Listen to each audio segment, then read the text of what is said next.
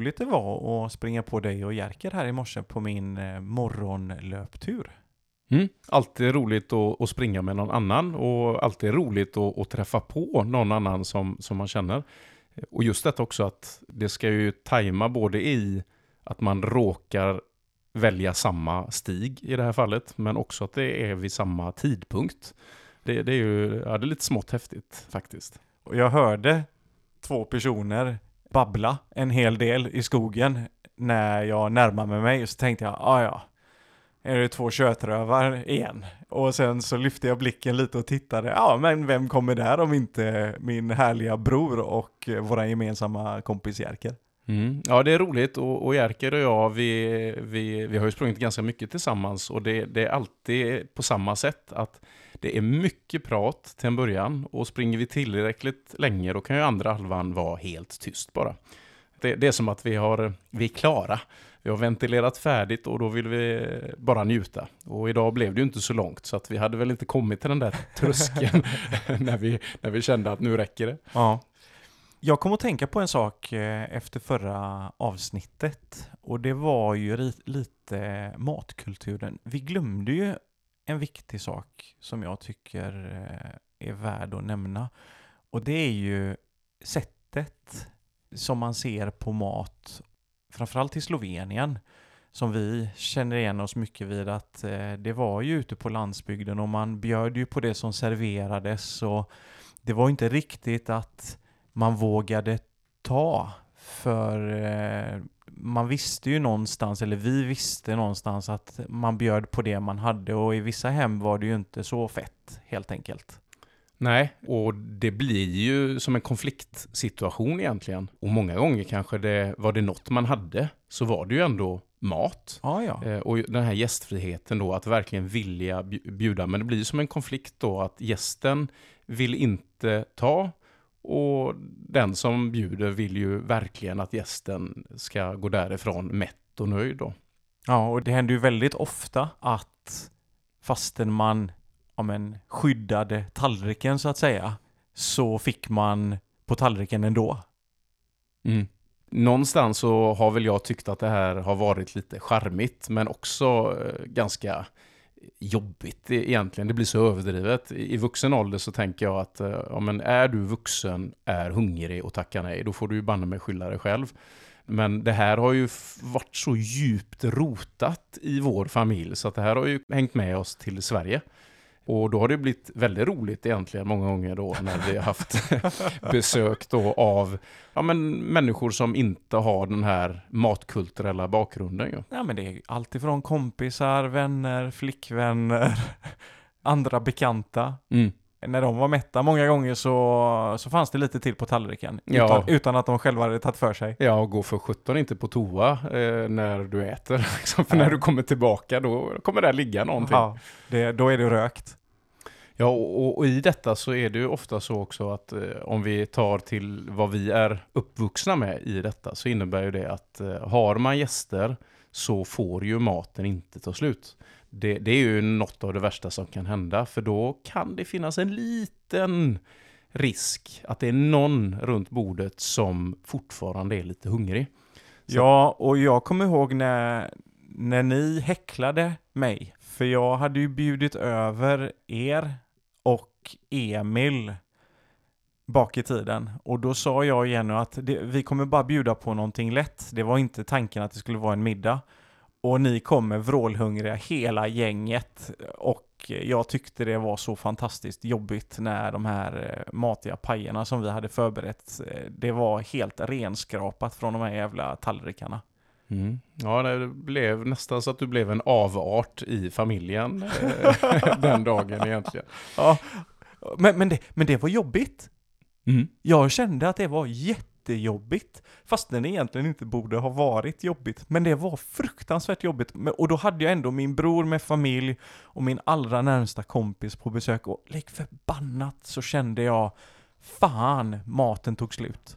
Ja, och vänder man på det så, så vet jag att jag till en början i alla fall när jag kom då till, till andra familjer och skulle äta och fick höra Åh, faten är tomma, vad roligt! Och, och jag, jag fick ju inte in det i skallen. Jag tyckte, jävla snåljåp, vadå? Ja, eller hur? vadå roligt? Det är ju tomt. Ja, jag kanske vill ha mer. Ja, och det var ju det, därför jag kände, det kändes som en sån besvikelse att jag inte hade levererat. Och alla var ju mätta, men äh, det var fruktansvärt. Ja, och, och här måste jag ju ta en, en jätterolig historia, tycker jag i alla fall. Och det var ju när jag hade tre kompisar på besök. Det här är länge sedan nu. Det måste ju vara över 20 år sedan. Jag minns inte vad jag serverade, men det jag minns var ju egentligen att eh, min gode vän Peter från Libanon var en av dem. Och de andra två var ju då vad vi skulle kunna beteckna som etniska svenskar. Och efter att vi hade ätit en stund så gick jag och hämtade maten, kastrullen, vad det nu var i den, och frågade är det någon som vill ha mera? Alltså du hade kastrullen i näven vid bordet där de satt. Visst, med då, nu höll jag på att säga skyffen, med, med, med sleven redo att fylla på. Alla tre tackade mycket artigt eh, nej. Men det var ju en skillnad. Det, var, det var ju att Peter, det var ju helt klart en reflex. Men han satte ju fram sina händer ovanför tallriken. Ja, för han visste vad som skulle kunna hända. Ja, men han hade ju helt klart samma kultur eh, i sig, det här att ett nej, ett verbalt Det nej, är inte ett nej. det kanske inte räcker. Nej. Utan risken är här nu att det blaffas på mer då. För om världen ser att nej, nej, nej, du är inte mätt enligt mig. Nej. Nu är ju inte jag sån att jag slänger på mat. Jag, jag tycker verkligen det, att är du vuxen så får du skylla dig själv. Men, men det var roligt hur han då någonstans försäkrade sig själv om att eh, här ska minsann inte komma med på min tallrik. Jag gör så mot en person bara idag. Ja, jag misstänker att jag vet vem den personen är. Det, det blir lite hämnd va? Det är lite roligt. och det är ju när eh, eh, mamma och pappa är på besök. Jag tycker det är jätteroligt. Mm. Ja, det kan hon gott ha. Ja, men eh, med tanke på eh, den här lilla introt kring mat och matkultur och men framförallt eh, kring eh, vårt eh, mycket, mycket trevliga möte i morse så tänkte vi ju i dagens avsnitt komma in på olika träningsformer som vi utövar eller har utövat. Ja, vi, jag tror vi båda hade en femårsplan en gång i tiden och den hade ju ingenting med ekonomi att göra utan det var lite olika målsättningar Ja. eh, som vi ville eh, göra, eller trodde oss vilja göra. Och en av de första var väl ändå en kombination då i och med jag minns inte om jag hade Göteborgsklassikern som eh, att den var med där, men, men det var ju en av de första grejerna vi båda gjorde tror jag, som inte bara hade med löpning att göra va? Ja, och jag tyckte det var jätteroligt eh, att det fanns en sån i Göteborg. Där var det ju cykling, simning och löpning. Mm. Och förutom dem så har vi ju i och med Vasalopp och lite annat testat på eh, faktiskt ganska många olika typer Mm. av träningsformer. Och eh, planen idag är att vi går igenom dem eh, och tar upp det vi tycker är fördelar och eventuellt också vad vi tycker är nackdelar. Rullskidor. Positiva saker. Eh, min utgångspunkt är ju ofta att jag utgår från löpningen, men det är ju så att rullskidor är ju väldigt, väldigt skonsamt mot kroppen i och med att där inte finns några stötar. Väldigt, väldigt bra träning för framförallt bål, rygg och armar. Konditionsträning. Det går ju att få upp frekvensen där och att man kommer upp ganska högt i puls. Mm. Eh, inget jag egentligen har pysslat med, men det går ju också att köra det här lite mer lågintensiva då. Och även intervaller. Ja, förhållandevis billigt skulle jag säga att det är. Det är inte speciellt dyrt att köpa sig ett par rullskidor. Och det enda som eventuellt då går åt, det är ju stavar faktiskt. Och spetsar. Och spetsar. Lättillgängligt. Det beror ju på hur man bor naturligtvis, men i princip så har ju vi kunnat snöra på oss de där hemma och ge oss iväg. Men återigen, det beror väldigt mycket på hur man bor. Och eh, då kommer vi nog in på det, det negativa, tänker jag, per automatik. Har du något mer positivt med rullskidorna, Darko, som du tänker? Nej, men jag, jag tycker det är fantastiskt eh, härligt, eh, framförallt på sommaren när det är varmt ute. Eh, bara överkropp, ute och köra för att få det här komplementet och en, en jättebra träning kring eh, rygg, bål, armar. Jag tycker det är fantastiskt. Och så får man den här farten lite. Mm. Ja, det går ju faktiskt att komma upp i ganska bra fart, det har Ja. du helt rätt i. Man får inte vara harig. Nej, nej, och då återigen, då kommer vi lite grann till det vi tycker är minus då. Och framförallt så är det ju väldigt väderberoende. Och det har ju att göra med framförallt att är det blött så finns ju en betydlig risk för halka. Men det går ju att köra när det är blött. Jag tycker det värsta är när det är de här eh, löven. Mm. Ja, det har, det har du rätt i. Löven är inte bra, men jag, jag tycker också det här med, med asfalten och att det blir lite halt. Mm. Och, och där tänker jag så här, är du väldigt skicklig så spelar då det förmodligen inte så stor roll. Eh, Men det är ändå någonting som Mm. påverkar. Och då kommer vi lite till det här med underlaget i största allmänhet. Att det är ju väldigt underlagsberoende. Eh, Hur, hur dålig är asfalten? Eh, Är det massa gupp och hål och, och grejer? Man måste vara ganska uppmärksam där. Och om det är mycket tjälskador, då är ju risken också att man sätter ner eh, spetsen och stavarna i där och knäcker av spetsen helt enkelt. Det har hänt mig. Ja, ja och, och brunnar och massa grejer då som kan göra det lite, lite dåligt. Sen är väl kanske det största problemet trafiken.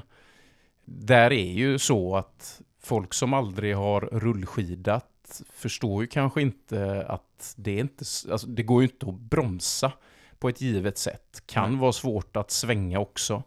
Och det gör ju att när man kommer till korsningar och liknande så, så blir det ett problem. Först så ska de se en och det är inte alltid de gör det. Och även om de ser en så, så kan det ju vara så att de hamnar i vägen vid ett övergångsställe. Men det största problemet tycker jag, det är ju där man har rätt att köra och där bilarna har väjningsplikt men kör ändå, så kommer man där. Nu saktar vi ju alltid ner farten, men det går inte att få stopp så direkt, utan det tar ju en stund. Jag har ju fått slänga mig i diket flera gånger. Ja, och, och min upplevelse är, oavsett vad det är för idrott man pysslar med, så blicken på en gång och cykelbana, då förväntar sig förarna egentligen att se någonting som kommer fram ja, men i princip stillastående. De, de förstår inte att man kanske har lite fart med sig. För att de kanske bara förväntar sig någon som går. Och då ser de någon komma på lite avstånd och tänker att nej men det här är ju inga konstigheter. Och så plötsligt så sitter man där som ett frimärke i dörren på, Ja. på dem. Ja, jag fick ju mig ett frispel här i somras. Eh, när jag kom med rullskidorna. Jag hade saktat ner inför en, en, ett övergångsställe, eller ja, det var en cykelväg och bilisterna har väjningsplikt där. Och där kom det en bil och jag kom ju rullande, inte i jättehög fart, jag hade saktat ner. Och bilen ser mig, men kör ändå. Och jag, jag, du vet, jag kan ju gapa ganska högt när jag sätter den sidan till. Så jag vrålar ju. Och då, då stannar fanskapet Mhm. och ska gå ut och skälla på mig. Och jag är ju vild och arg som ett jävla bi. Så jag gapar till honom när han eh, börjar fräsa att nu gör du ju dubbelfel. Det du skulle ha gjort när du stannade var att be om ursäkt. Så att jag, jag var skogstokig på han. Eh, Mm. Till slut så insåg han vad han hade gjort för fel. Och efter mycket om och men, när jag hade skällt färdigt, så bad han om ursäkt och åkte därifrån. Jaha, ja, det var ju ändå ganska stort gjort eh, tycker jag. Ja, ja, efter att få en utskällning Ja. av mig då kan det vara svårt att be om ursäkt sen. Ja, det kan det vara. Men jag, jag har ju på allvar eh, föreslagit eh, åt höger och vänster att eh, man ska ta bort körkortet och införa ett trafikkort istället.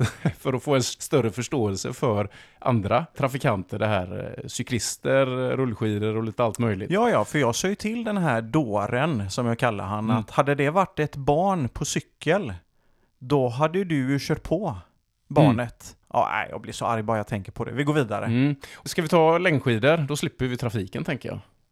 Ja, men det kan vi göra. Längdskidor är ju eh, någonting jag brinner för jättemycket. Jag tycker det är fantastiskt härligt. Och på plussidan, en underbar naturupplevelse. Det kan man ju inte säga någonting om. Eh, Framförallt om man kommer upp till fjällen och de här härliga spåren. Vi har ju åkt eh, ihop med familjerna ibland och kalven runt till exempel uppe vid Sälenfjällen, Hundfjället, Tandådalen är ju magiskt. Mm. Ja, jättefint, verkligen. Konditionsträning, det är ju precis som rullskidorna där, men här kan man ju varva lite. Man kan ju inte bara köra klassiskt, man kan ju skata och man kan eh, köra diagonalt och ja, men det är väldigt allsidigt. En fantastisk träningsform och när man är ute på en sån här magisk runda, då, då har det slagit mig flera gånger, varför bor jag inte längre norröver? Så jag kan göra det här mycket, mycket oftare. Eh, skonsamt mot eh, kroppen.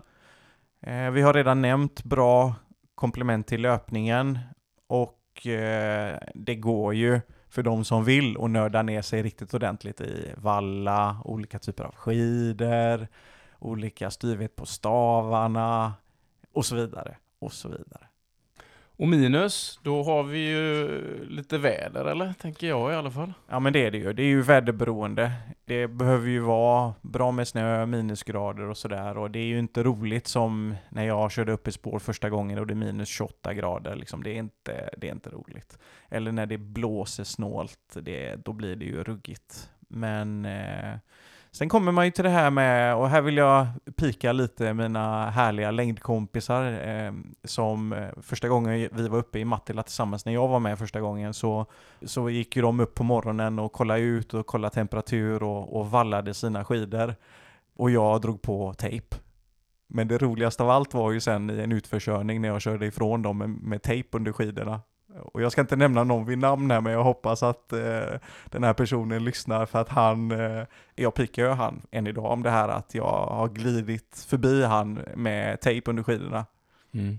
Ja, för jag, jag, tycker de här grejerna är lite jobbigt. Jag har ju bara gjort två Vasalopp och det har delvis att göra med vädret, men också det här krånglet med material. Jag, jag blir så irriterad när yttre faktorer påverkar min ja, både upplevelse och prestation. Ja. Och där, där är ju så att eh, även om du har en expert som eh, vallar åt dig så kan du ju bli väldigt fel. Ja, men det var ju när vi åkte Vasaloppet samma år. Då kommer du ihåg, då, då snöade det ju tre decimeter under loppet. Det spelar ingen roll vad man hade under skidorna. Eh, det gick ju trögt ändå.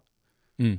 Jag tänker att vi måste nämna där också att det är ju väldigt alltså, klimatberoende och att det beror ju väldigt mycket på var man bor. Du var inne på det lite grann, men vi bor i Göteborgsområdet och tyvärr, vi, vi har inga bra möjligheter att åka skidor här. För det krävs en bra vinter, vilket vi definitivt mm. inte alltid har. Och eh, det gör ju tyvärr att uh, möjligheten till att åka längdskidor, det blir ju väldigt, nästan som ett litet eh, lotteri mm. uh, på vintrarna. Då. Ja, men vi har ju Skidome. Säga vad man vill, men det är ju det enda sättet att komma på något som liknar snö om vi har en dålig vinter. Men sen vill jag faktiskt slå ett slag för vi har ju två fantastiska anläggningar en liten bit utanför Göteborg. Eh, en i Hästra i Borås och Borås skidstadion. Det är ju två fantastiska anläggningar där det finns jättemånga som lägger ner sin själ med både konstsnö och allting, att så fort det är minusgrader kunna erbjuda spår. Eh, men det är ju det närmsta. Mm. Ja, och jag sätter ju inte min fot i skidom igen. Och det har mycket att göra med att skidom blir ju bara träning. Alla de här andra eh, positiva faktorerna som vi nämnde förut, alltså upplevelsen och mm. natur, mm. och det, det, finns ju inte där inne. Och eh, det, det är jättebra att stället finns, men då blir ju träningen just bara träning. Och det, det tycker jag jag är värd mer än så helt enkelt. Mm. Det är bra att det finns för de som vill.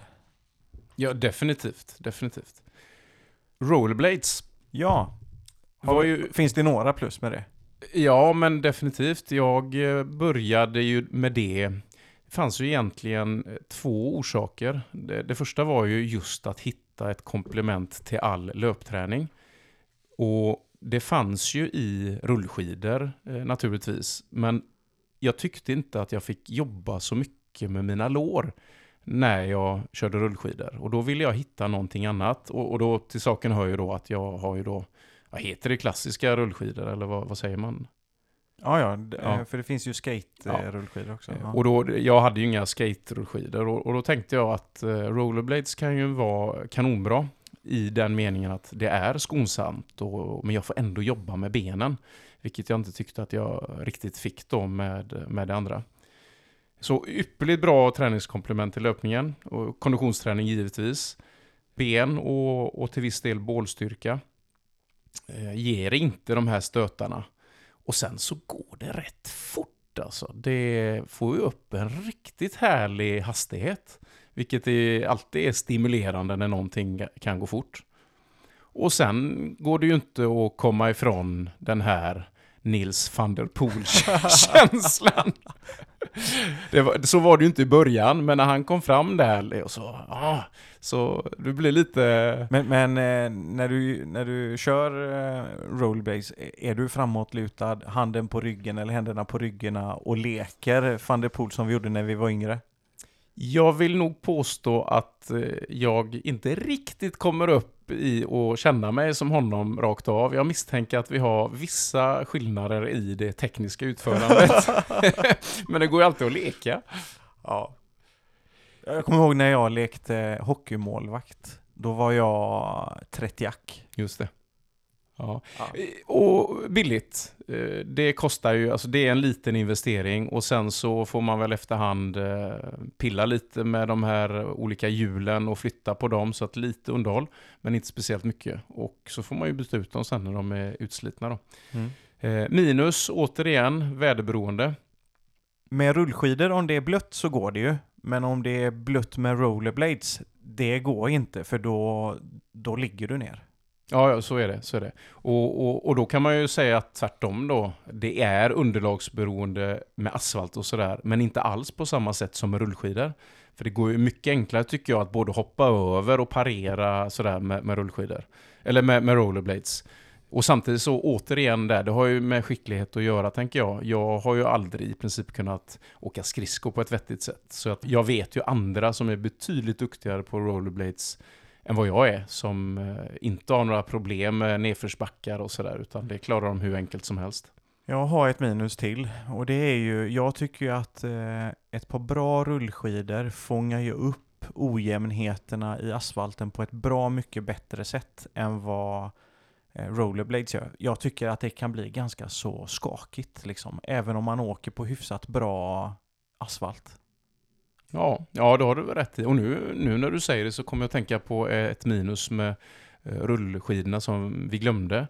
Och det var ju att när jag i alla fall var ute väldigt länge så inför Vasaloppet så fick jag, jag fick ont i både, alltså i armbågarna, alltså det, det stötiga i asfalten. Det var som att det, det hände någonting där, att armbågarna till slut inte ville det längre. Känner du igen det eller? Nej, du gjorde nog tekniskt fel tror jag. ja, det, det är högst troligt. Kajakpaddling. Ja, härligt. Oh, det är underbart. Det, vilken underbar naturupplevelse det är. Ja, om man eh, kommer ut med kajaken. Första gången jag skulle prova kajakpaddling med två av mina närmsta kompisar, jag tror det var i somras eller om det var förra sommaren, så eh, åkte vi bort till Hindås och så tog ju Mats fram en, eh, en förlåtande kajak. Jag tror han jävlades med mig. det hade jag gjort. han sa, den här kajaken Darko, den, den kan du ha. Eh, den blir bra för dig som inte har paddlat kajak innan. Ner med den i vattnet. Eh, jag går i från bryggan, håller mig i bryggan och ska, du vet, så här försiktigt ta mig liksom ut från bryggan så var jag i vattnet. Mm.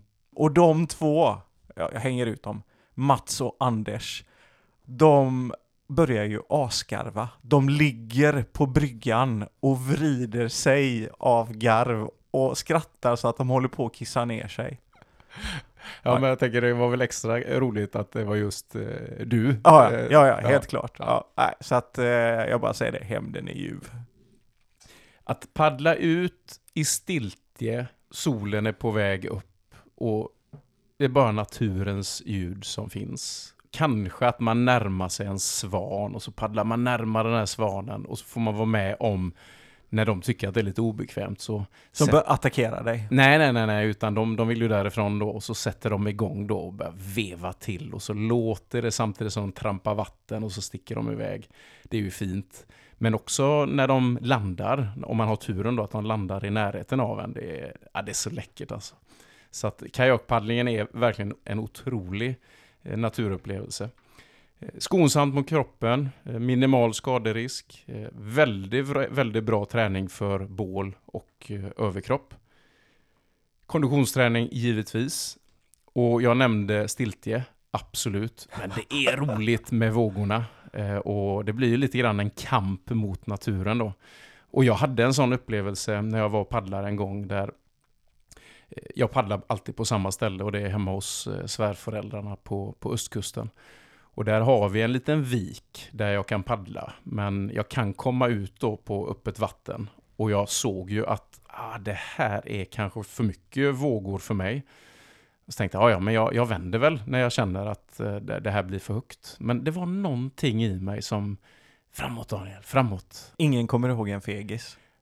Det var nog inte så jag tänkte, utan det, det är något spännande med det där. Och jag paddlade på och sen efter ett tag så insåg jag att det här är inte bra. Jag vågar inte vända. Eh, Jag vill inte ha vågorna i sidan på mig då. Eh, Men jag, jag lyckades på något sätt att inte ramla i.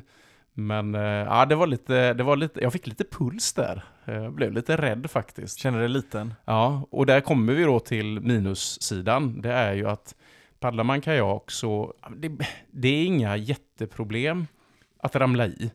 Eh, förutsatt att det inte är för mycket vågor, för då kan det vara lite otäckt då när man närmar sig mot någon eh, ja, stenig strand eller sådär. Men det är lite krångligt eh, att komma i, i i kajaken igen. Det är ju ett problem. Mm. Så på så vis så är det ju faktiskt eh, ganska väderberoende som det vi har, har pratat om förut. Men sen är det väl, det är ju ganska dyrt om man ska köpa sig en kajak. Det är dyrt att köpa sig en kajak men andrahandsvärdet är ju ganska bra. Mm. Eh, Sen är det ju ett minus naturligtvis att, ja, var bor du då? Mm. Har du så att, jag har ju sån tur där på östkusten att jag kan bara, det är ju 10 meter, nej ja, den är ju på bryggan när vi är där. Jag, för mig är det bara att doppa ner den så är det bara ut och köra. Ja, men även här hemma, ska, ska man ha en kajak eller köpa en kajak, jag kan nog inte se framför mig att ja, men, eh, då ska jag upp med den på takräcke, upp på bilen, komma iväg och allting. Och nu bor ju vi ganska nära Kåsjön här, men det är nog ganska så tungt att bära en, eller 800 meter, en kilometer, en kajak. Det är nog inte så här jättekul heller. Nej, och, och där är ju negativt att uh, bor man inte mm, ja, på ett bra sätt så, så är det lite för stort projekt att uh, sticka ut och paddla. Uh, och därför så, ja, tyvärr så paddlar ju inte jag så ofta, utan det är ju bara då när vi är på östkusten där. Mm. Men då försöker jag ju att få till det så ofta som möjligt just för att det är så härligt smidigt och, och enkelt då. Mm. Och då blir det ju väldigt intressant att komma in på nästa som är SUP. Nej, vi är inte klara med kajaken än Darko. Nähä? Nej. eh, Jag kände mig klar. Ja, jag är inte klar. Och det har att göra med att det finns i alla fall eh, minst en grej till som jag tycker är negativt. Och det är ju det jag kallar för cementröv. Ja, du ville ha med det? Okej. Ja. Jo, men det, det paddla ett tag. Det blir jobbigt för rumpan tycker jag. Men kan du inte ha någon liten uppblåsbar liten eh, rövkudde?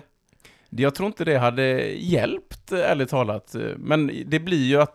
Men, men är det inte lite samma sak som att cykla? Du sitter, första gången du cyklar så får du jätteont i rumpan. Det handlar om, du får ju vänja dig helt Nej, enkelt. men cyklar du så kan du ställa dig upp lite då och då. Här sitter du verkligen på, på rumpan precis hela tiden. Så att jag, jag tycker att det blir jobbigt eh, att paddla för länge helt enkelt.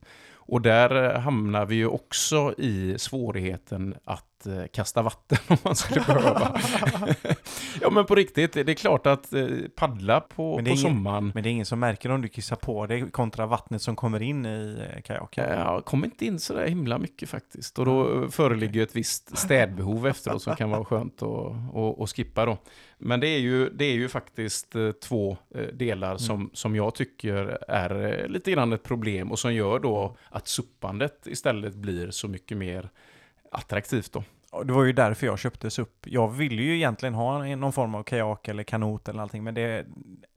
Minusen var fler än fördelarna för mig och våran familj och hur vi bor. Mm. Ja, och jag kan säga att det tog ett tag innan jag ens provade på SUP. I och med att jag hade paddlat kajak i så många år så förstod inte jag vitsen med SUP. Och jag såg egentligen mer problem. Jag tänkte att paddlar jag kajak, ja, men då har jag en paddel där bladen är på varje sida. Det är bara att veva på. Mm. SUP, ja, nej då ska du paddla på ena sidan och så ska du slänga över den där padden på andra. Så jag var inte speciellt intresserad av SUP, även om det var många som talade gott om det Mm. länge innan jag provade på. Jag provade ju SUP första gången när familjen, när vi var på semester i Mallorca. Mm. Fantastiskt. Och det, var det som jag tyckte var fantastiskt, det tyckte inte Hugo, men jag tyckte det var underbart att komma ut på suppen och så är det så här klart vatten, man såg ner till botten och man såg fiskar och allting. Han tyckte det var lite läskigt. Mm. Han var inte så gammal då.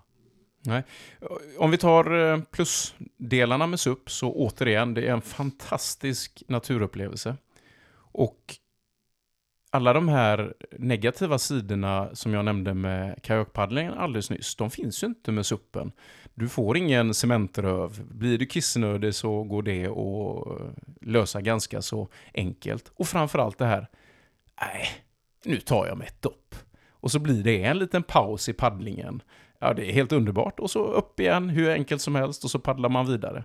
Så att det är ju, ja, det är en otroligt fin upplevelse.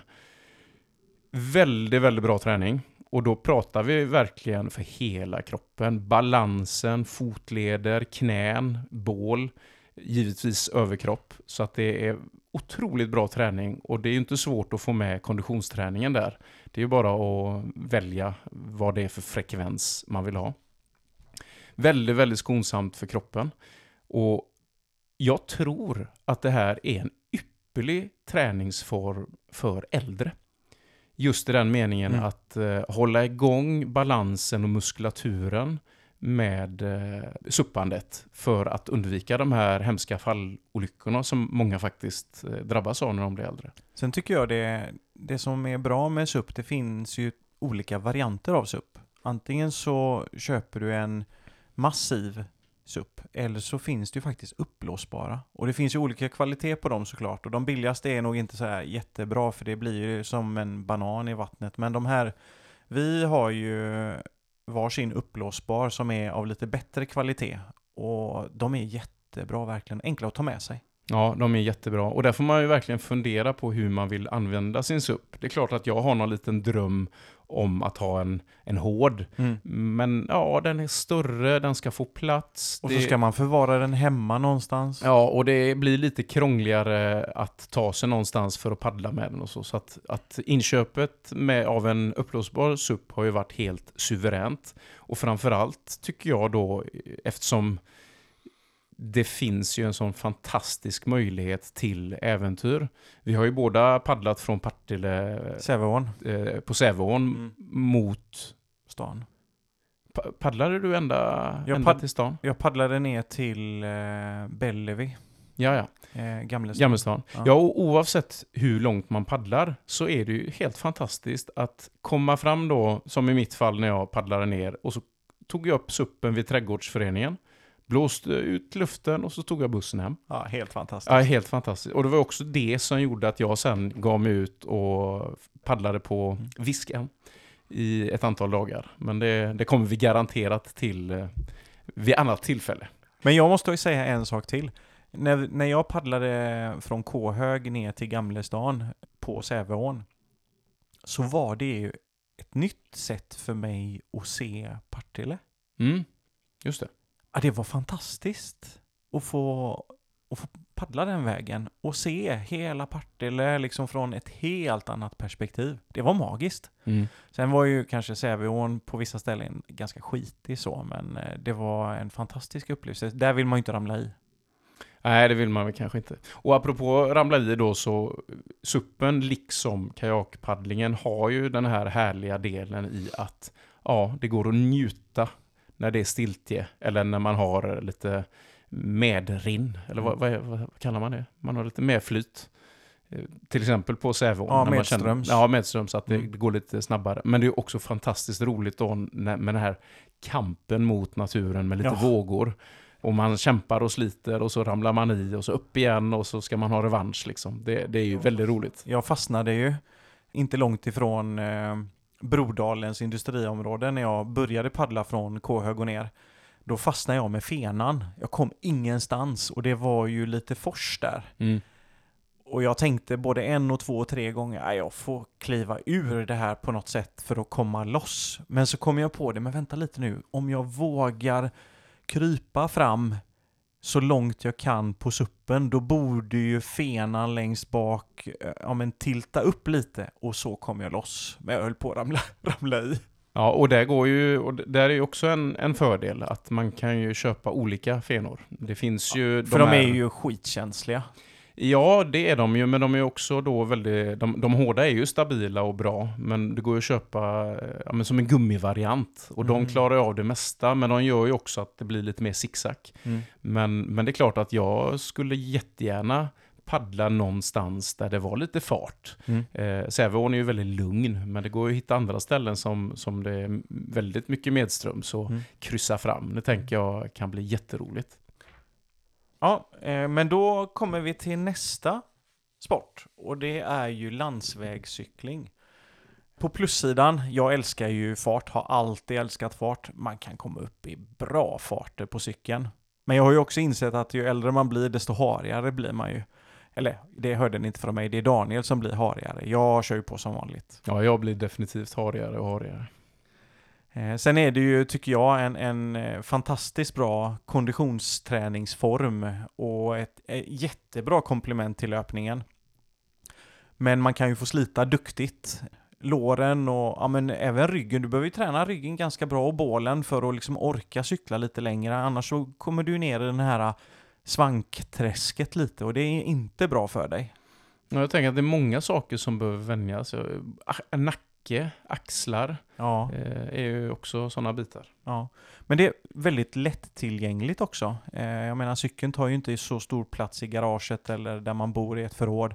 Man kan komma ut på den ganska så fort. Och det som jag tyckte var fantastiskt kul, och det kom jag på när jag övningskörde med Hugo innan han tog körkort, det var att eh, vi körde på massa småvägar runt omkring Göteborg och då sa jag, här har jag cyklat, här har jag cyklat. Och Hugo bara, men vi är ju flera mil mm. hemifrån. Mm. Ja, här har jag cyklat.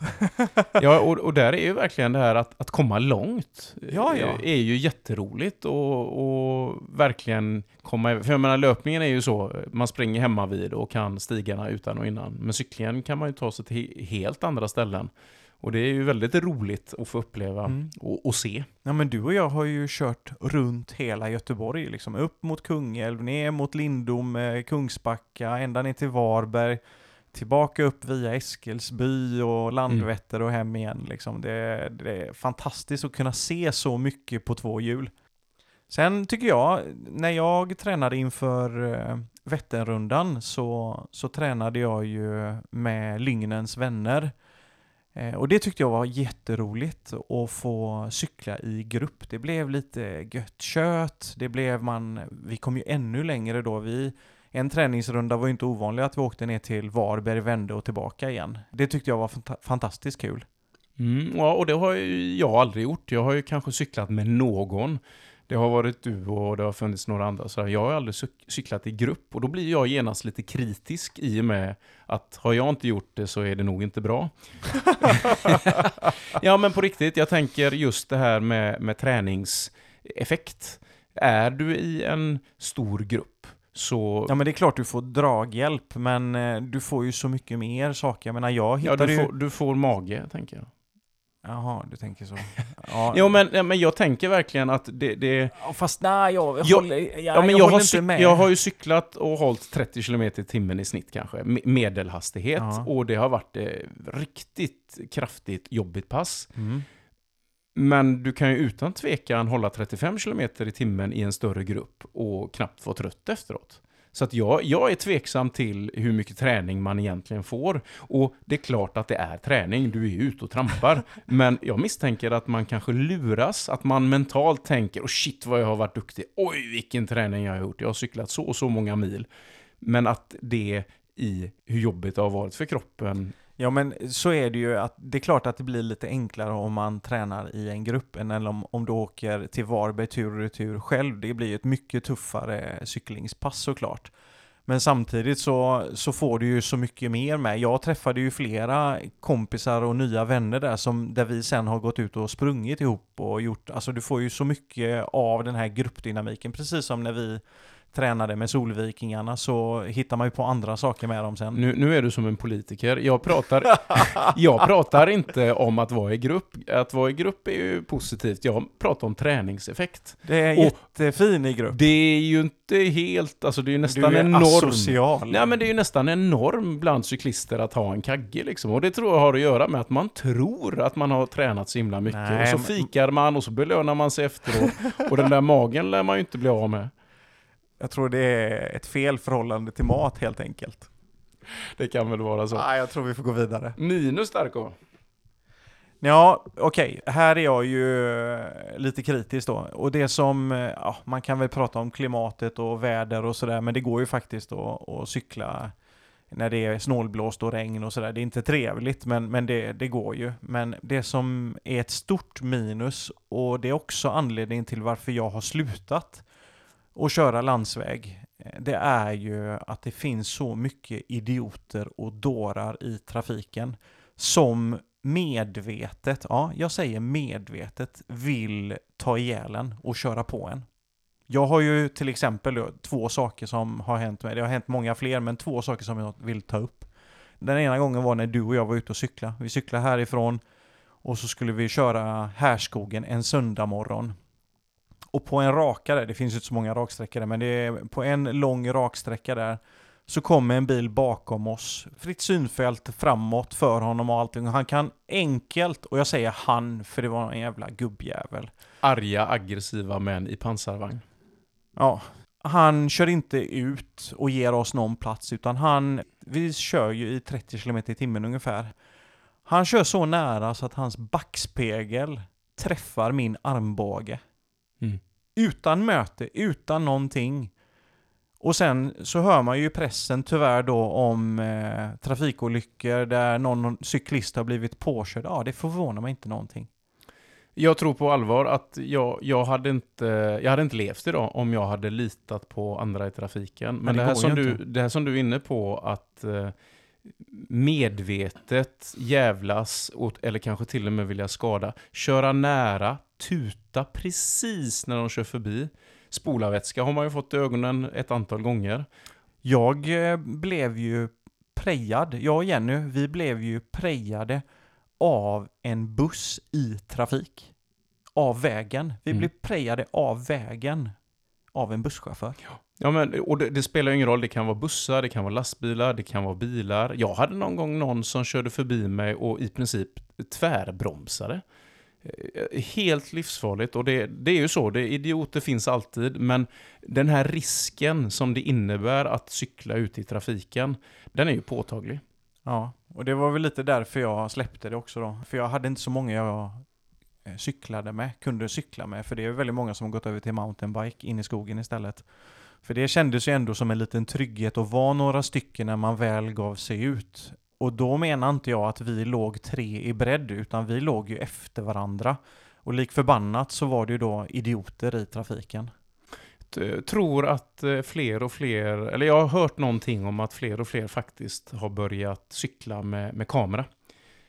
Och det finns säkert kameror då som riktar Mm. sig både framåt och bakåt Ja, ja. för att kunna ha någon slags Men är bevis. inte det tragiskt? Jo, visst är det Ja, ett annat minus är ju att, eh, ja men det är klart, det går ju att nörda ner sig och, och ska man ha en lite bättre cykel så, så kostar det ju.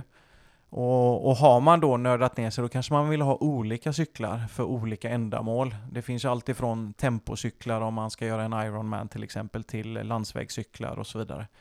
Eh, så att eh, det sticker iväg. Efter pandemin har ju cyklarna blivit ganska dyra. Ja, och, och där tänker jag att det handlar ju om att det, man kan se det som att det är dyrt i inköpskostnaden. Men det är klart att kan du jobbpendla med din cykel så blir det ju till slut ganska billigt faktiskt. Eh, om man tänker på det sättet då. Ja, och sen så någonting som jag var rejält orolig för som också är ett minus och det går ju det går inte att skydda sig till 100% men det, jag vet att när jag körde Vätternrundan så körde ju vi ju då i en klunga och om något händer i klungan, att någon ramlar och skadar sig, då stannar klungan. Men får du punktering, då får du klara dig.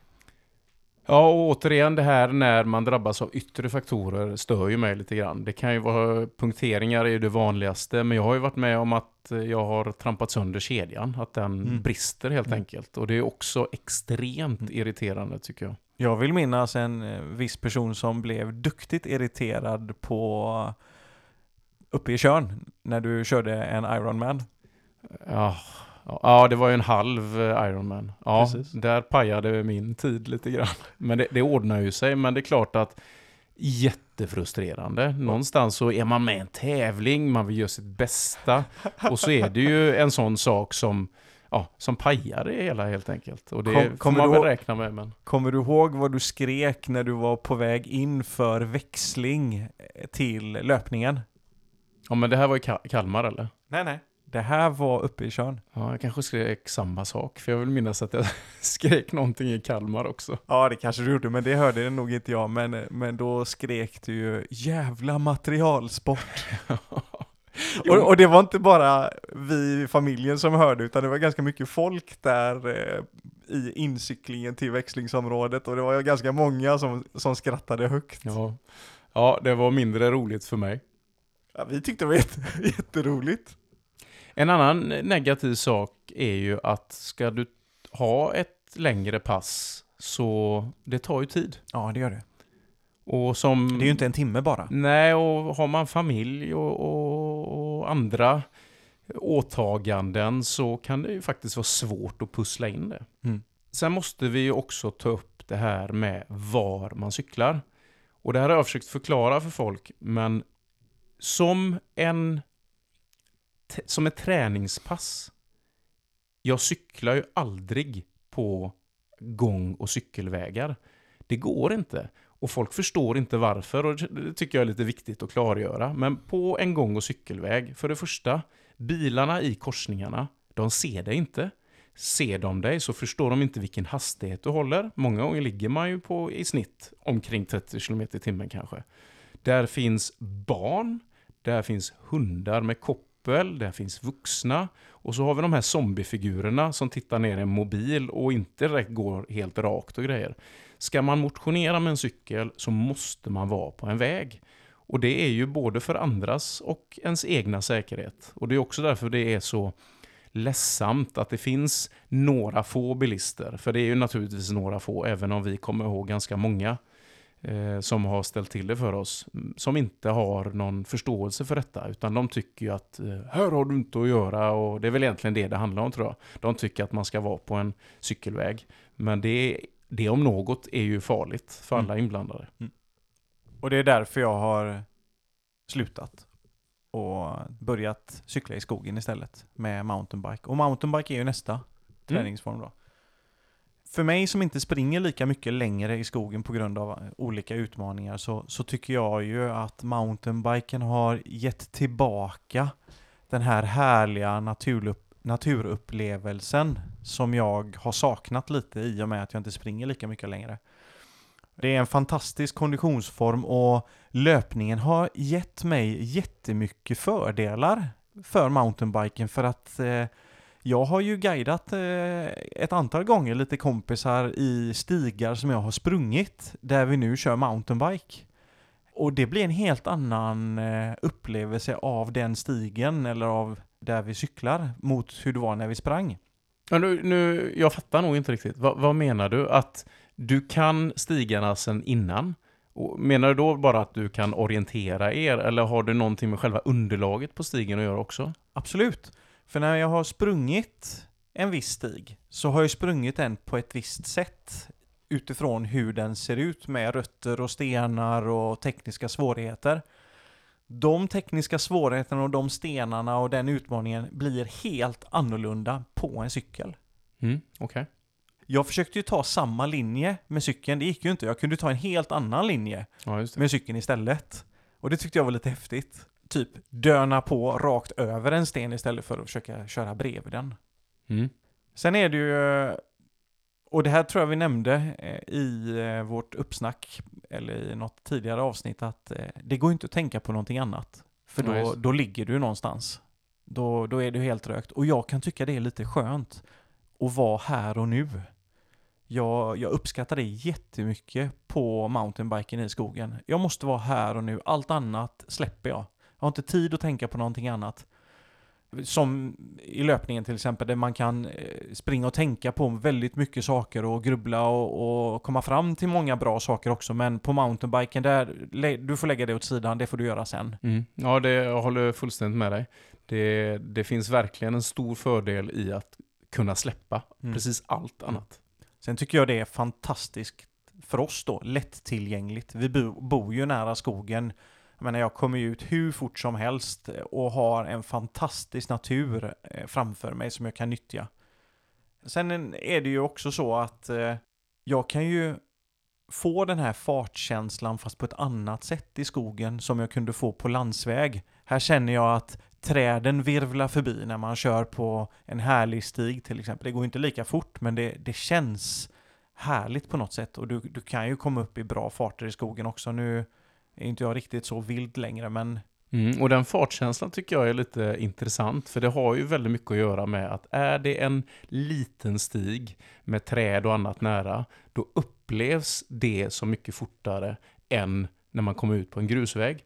För då är alla de här bitarna lite längre ifrån och då blir det som att tempot har sänkts. Men egentligen då, i alla fall i löpning, så springer jag naturligtvis snabbare på den här grusvägen. Men det känns som att det går långsammare. Mm, mm.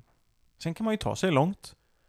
Och, och, det är bra träning för hela kroppen och ett väldigt bra komplement till andra träningsformer. Jag tänker att tiden inte är så viktig. För jag menar, både i cykling och löpning så är det ju ganska lätt att nörda ner sig i vad man har haft för kilometertid och såna här saker. Och visst, det kan väl vara positivt, men jag vet att många upplever det som ganska jobbigt också för att man jämför sig och så, så går, utgår man inte ifrån hur man upplevde träningspasset, utan att man kollar, nej, klockan sa att det här gick långsamt och då, då var det inte bra. Men, men där har du helt rätt. Jag kan nog inte komma på att jag har tittat på tiden någon gång efter vi har varit ute på ett pass med mina kompisar. Det vi har tittat på det är lite, var har vi varit någonstans på mm. ja, men kartan efteråt? Mm, ja, men det är en poäng tycker jag. För att där, och där måste man känna sig själv. En del har ju inga problem med det här med tider och så, utan bara konstatera hur det är. Men många vet jag blir lite stressade inför det här att uh, idag gick det långsammare, det var, det var mm. inte bra. Liksom. Mm. På minussidan, ja, en bra mountainbike kostar ju lite pengar. Så är det. det de är inte gratis. Eh, det, det går att hitta bra instegsmodeller, det går, det går att hitta bra begagnade, men du vet ju inte riktigt vad den cykeln har varit utsatt för innan på begagnatmarknaden. Det kan finnas någonting i ramen som inte är som det ska och sådär, så att jag jag har faktiskt köpt ny cykel eh, till mig själv. Så att det, det kände jag var lite viktigt. Och jag köpte inte en fulldämpad, utan jag köpte en hardtail, vilket innebär att den är ju dämpad fram bara. Mm. En annan negativ sak, tycker jag i alla fall, det är ju det här med materialvård. Det är ju inte bara att ställa cykeln när man kommer hem.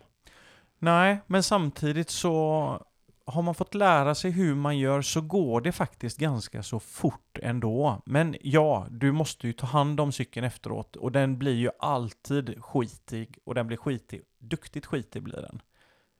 Men, men det går ändå hyfsat fort. Du kan ju få spolat av den och fixa till den på en kvart. Sen är ju skaderisken väldigt, väldigt stor. Och jag, jag har ju märkt det att eh, ju mer du fegar, desto mer ramlar du. Så var det för mig i alla fall. Jag kan ju inte prata för någon annan. Det är säkert eh, så. Jag, jag har eh, inte cyklat lika mycket som du har gjort och det har att göra med att jag har haft bekymmer med, med en axel då. Mm. Men det, eh, absolut. Men sen, sen är det ju viktigt också. Jag investerade ju i ett ryggskydd och knäskydd och armbågsskydd och sådär. För att Äh, du kan åka på duktiga vurper helt enkelt i skogen. Och det är inte själva att du ramlar, utan det är ju var någonstans du ramlar och vad du landar på. För det kan ju vara en spetsig sten, spetsig rot eller någonting i skogen. Det är ju inte, det är inte ofta du landar i en eh, härligt geggig vattenpöl eller i björnbärsris någonstans. Ja, ska vi gå vidare på nästa? Och då är det ju simning. När jag skulle köra Göteborgsklassikern då anmälde jag mig till en vuxenkurs i crawl. Ja, det minns jag. För jag försökte ju utnyttja det där lite genom att ta tips från dig och utföra det själv. Och det gick ju förmodligen inte speciellt bra. ja, men det, det, det, jag måste säga innan vi går in på fördelar och nackdelar. Det, var, det är nog en av de roligaste sakerna jag har gjort i vuxen ålder faktiskt. Lära mig att simma crawl. Jag kunde ju inte simma två meter, eller fem meter crawl överhuvudtaget utan att eh, dö av syrebrist eller ha puls på 220 liksom. Mm. Så det, det var, jag tyckte det var så roligt så jag, jag tror jag gick fyra eller fem kurser på raken sen. Så roligt tyckte jag det var att lära sig att simma crawl. Eh, men plus då med simningen. Det är ju en väldigt, väldigt skonsam sport. Oavsett om du eh, simmar crawl eller om du kör bröstsim eller ryggsim så är det ju väldigt, väldigt skonsamt för kroppen. Ja, förutsatt tror jag att man kör det eh, som ett komplement eller att jag, jag, vet att många som simmar väldigt, väldigt mycket kan få problem med axlarna då. Ja. Men jag tänker för oss vanliga dödliga och motionärer så ska det nog mycket till för att, att för att hamna där. Mm. Men om vi tar det, det här är utifrån ett motionsperspektiv som vi pratar. Eh, sen är det ju ett väldigt bra komplement tycker jag. Eh, många gånger när jag har simmat, det är när jag har varit väldigt slutkörd i ja, men ben eller någon annanstans efter löpning eller cykling och sådär. Och då hade det varit väldigt skönt att, att hoppa ner i poolen och simma, eller i Kåsjön.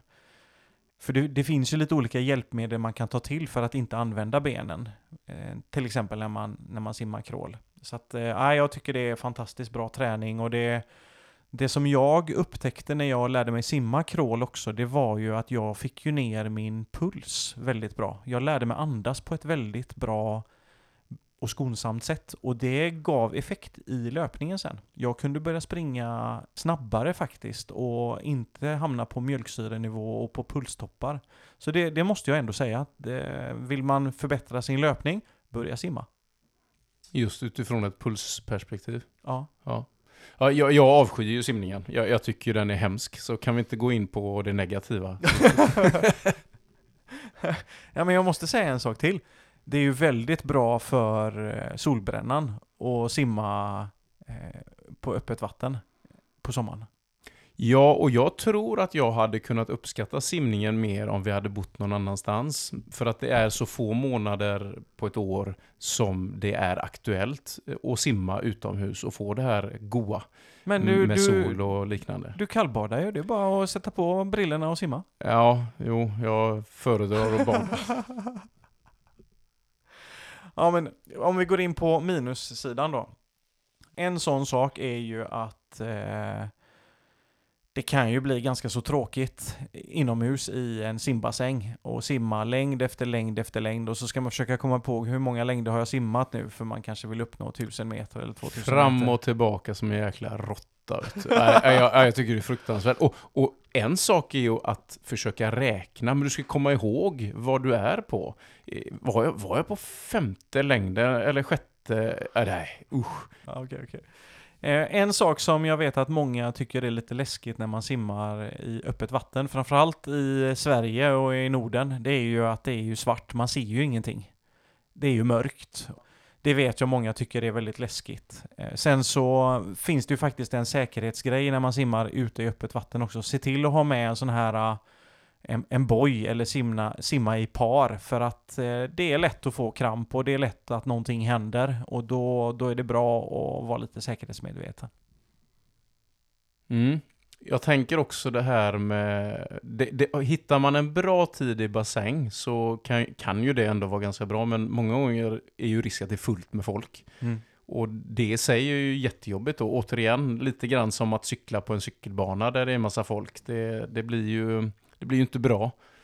Men det är ju därför jag hade hoppats på att man, kan, man skulle kunna investera mycket, mycket mer i riktiga simbassänger som inte har massa eh, lek och badpalats i anslutning utan ren motionssimning, ett antal 50 meters bassänger, ett antal 25 metare med bra bastumöjligheter efteråt mm. och allt det här. För då hade jag nog simmat mycket mer. Ja, kanske. kanske. Jag tycker ju också att, vi har varit inne på det på några av de andra, det här när det är krångligt, att i Sverige, då är det ju oftast en bassäng som gäller. Ja, då ska du ta dig dit och sen när du är klar, då ska du ta det därifrån. Det är ombyte och sådär. Mm. Jag, jag, tycker att det är, det är ett hinder, för mig i alla fall, att, att kliva över för att få den där träningen gjord. Ja, jag gillar simningen. Jag tycker det är bra komplement liksom. Jag, jag har alltid gillat det, men det är klart att det är en liten uppförsbacke att ta sig iväg. Så, så att så är det ju. Vi går vidare. Styrketräning.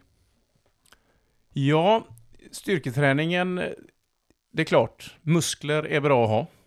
Eh, för att inte få värk, få ont och liknande. Och framförallt när du blir äldre så har ju det mycket med balansen att göra.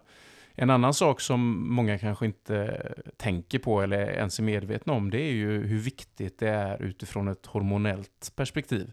Och framförallt då är du 40 plus eller liknande, då, då tappar du ju muskelstyrka och, och, måste jobba med styrketräningen för att bibehålla. Och det går ju att bli starkare, men det är ju mycket, mycket svårare än för en tonåring som sprudlar av testosteron. Så att just det här att eh, bibehålla styrka, eh, när man blir äldre i alla fall, så är det oerhört viktigt. Och där tycker jag det är lite viktigt också att säga att eh, det är bra att vara två. För då kan man hjälpas åt lite för att, för att styrketräningen ska ha effekt, så de senaste rönen, eller de har ju funnits ett tag redan, det är ju att man måste våga lägga på lite tyngd. Definitivt, och eh, det finns ju jättestora fördelar att träna tillsammans oavsett vad man, vad man pratar om egentligen. Och många gånger är det så att man lyckas pusha sig själv lite extra, mm. oavsett om det är styrketräning eller vad det nu kan vara då. Så det är ju definitivt en viktig bit i det hela. Och jag vet inte om den här effekten är större i styrketräning än i andra delar, men det är ju någonting med att känna sig starkare som är mentalt viktigt. Ja, och se bra ut. Ja, om man tycker det är så viktigt så definitivt. Men styrketräningen har ju många plus och kan man utföra den utomhus så tycker i alla fall jag bra mycket bättre om det än inomhus. Då. Problemet med utomhus är att man kanske inte får till de här tyngderna eh, riktigt, utan att det blir lite mer uthållighetsstyrka. Jag måste nog säga att eh, när du och jag körde tillsammans en gång i veckan, nu var det ju bara en gång i veckan, men ändå. När vi gjorde det tillsammans innan din axel paja, det var då jag hade kontinuitet. Mm. Och det var också när jag tränade ihop med några arbetskamrater på ett, på ett tidigare jobb som, där jag jobbade. Vi var också iväg, eh, och där var vi iväg två gånger i veckan tror jag, på lunchen och körde styrka.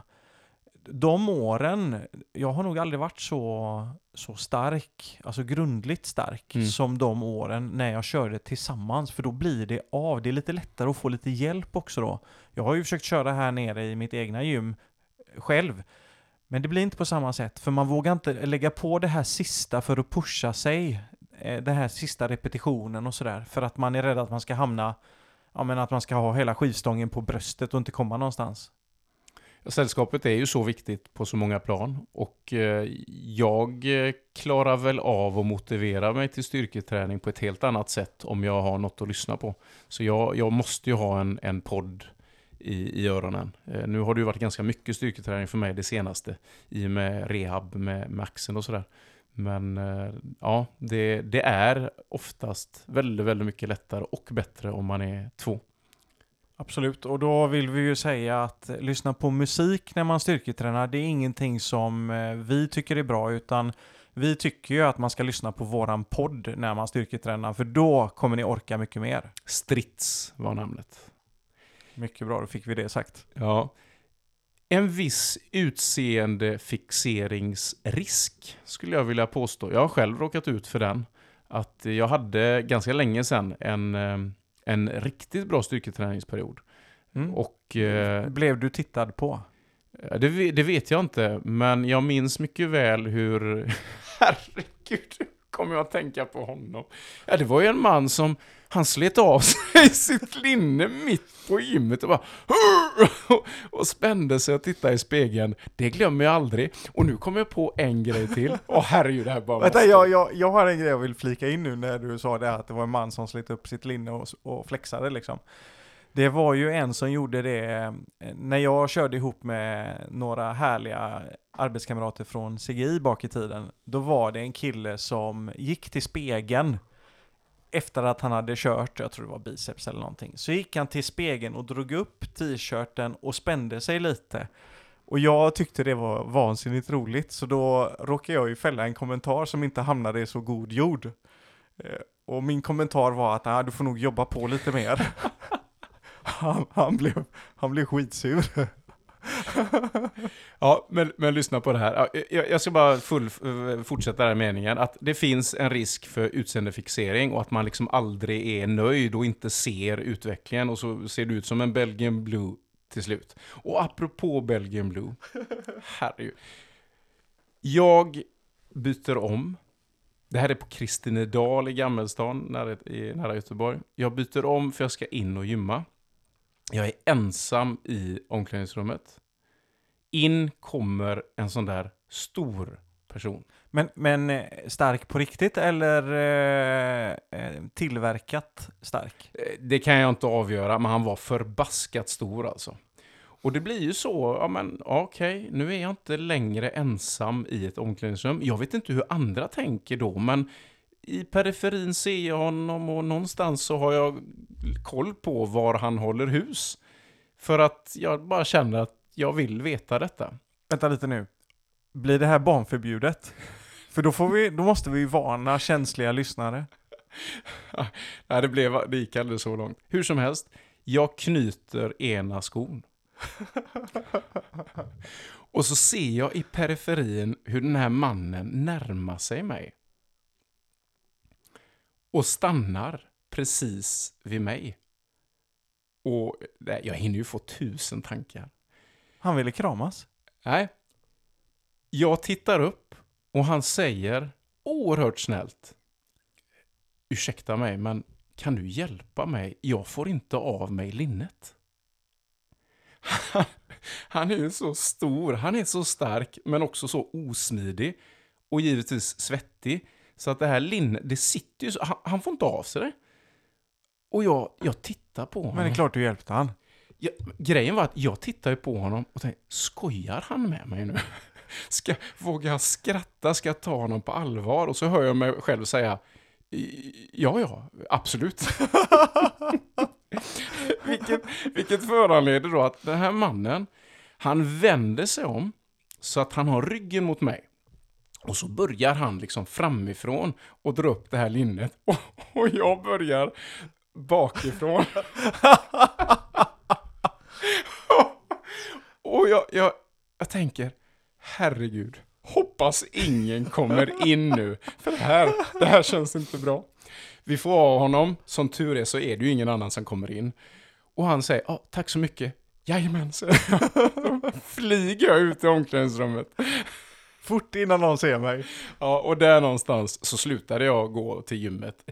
Av den anledningen som vi faktiskt, för jag kände hur jag blev fixerad och det kändes inte bra. Så det var faktiskt av den anledningen som jag slutade. Och eh, jag biffade ju faktiskt till mig lite grann under den eh, perioden. Men det, det, har, det har jag blivit av med som tur är. Ja, ja. Där har vi ju en anledning till att eh, gå på gym. Verkligen. Och en minusgrej till är ju faktiskt att du måste veta vad du gör. De olika övningarna kräver ju någonstans en teknik och utför du inte övningarna rätt då finns ju faktiskt en ganska stor skaderisk där med. Så att det var väl kanske den sista tror jag som jag tänker mig som, som minus. Har du något mer? Nej, vi fortsätter. Löpning. Ja, löpningen är ju...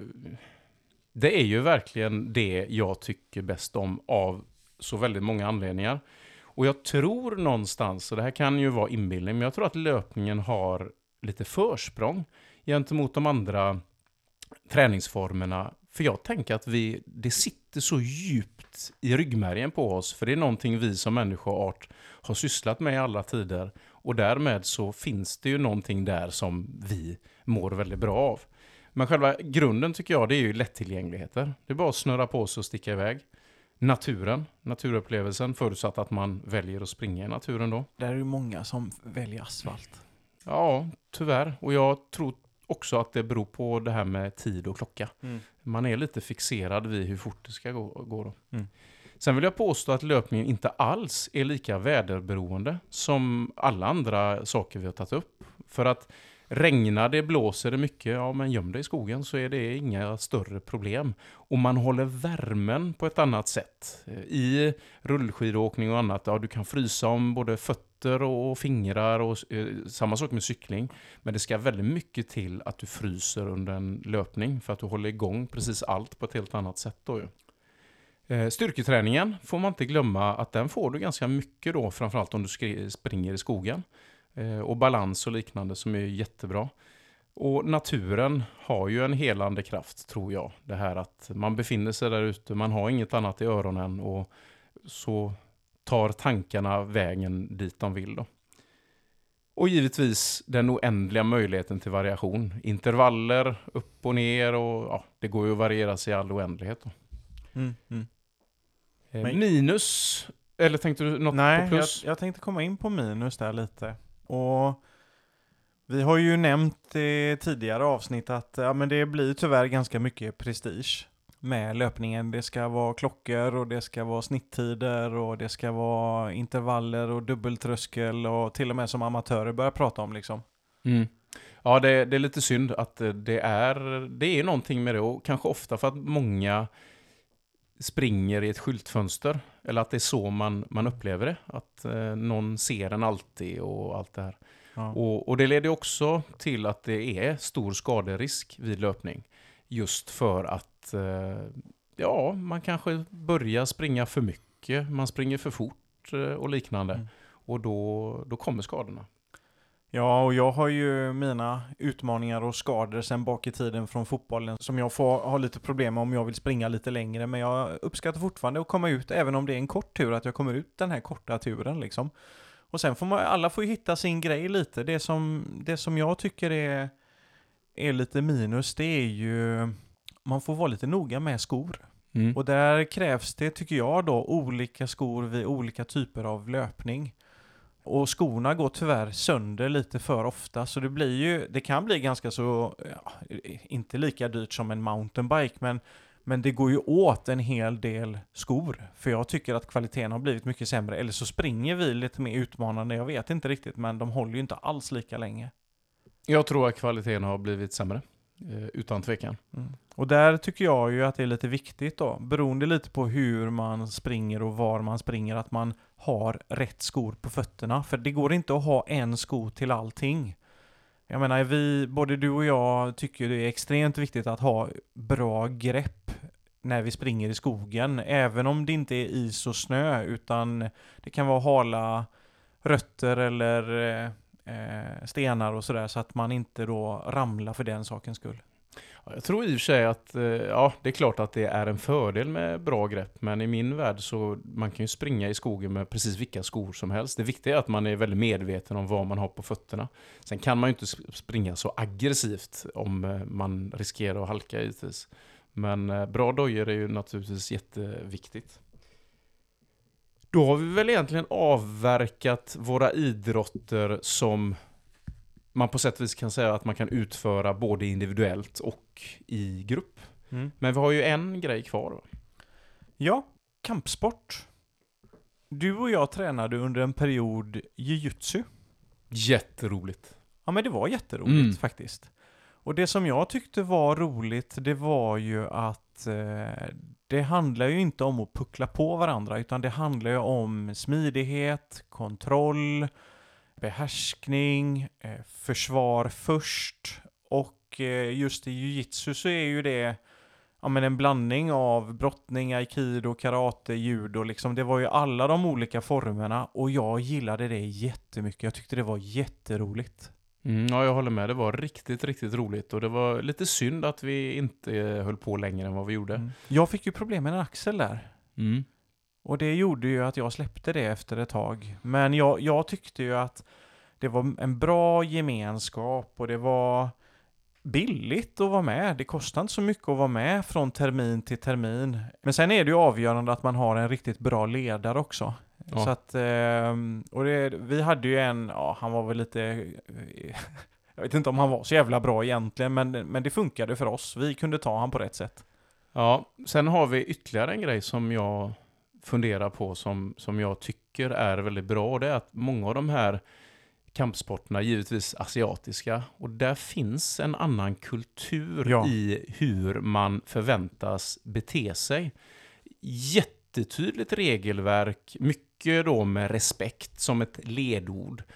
Eh, Och hur man behandlar sina medmänniskor.